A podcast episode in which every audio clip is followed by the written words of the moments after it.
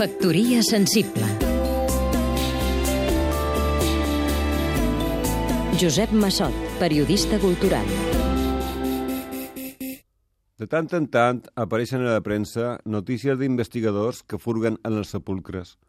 Es busquen els esquelets d'Alexandre el Gran, de García Lorca, de Cervantes i fins i tot d'Elisa Girardini, la model que va inspirar la Gioconda.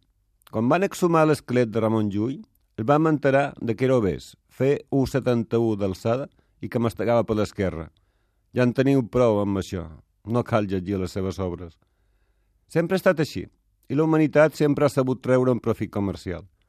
El gran negoci internacional de l'edat mitjana, a més de les guerres i croades, va ser la prodigiosa invenció del sepulcre de Santiago, una de les rutes religiós turístiques més rendibles de l'època, al costat de l'intens tràfic de relíquies.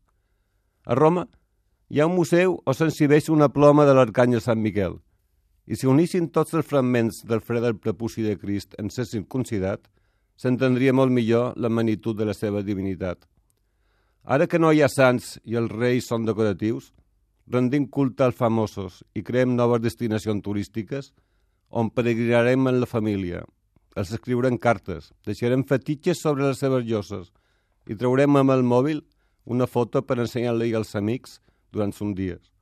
Una excitant cita en la història que després, quan passi el temps, acabarem arborant de la nostra memòria digital. Factoria sensible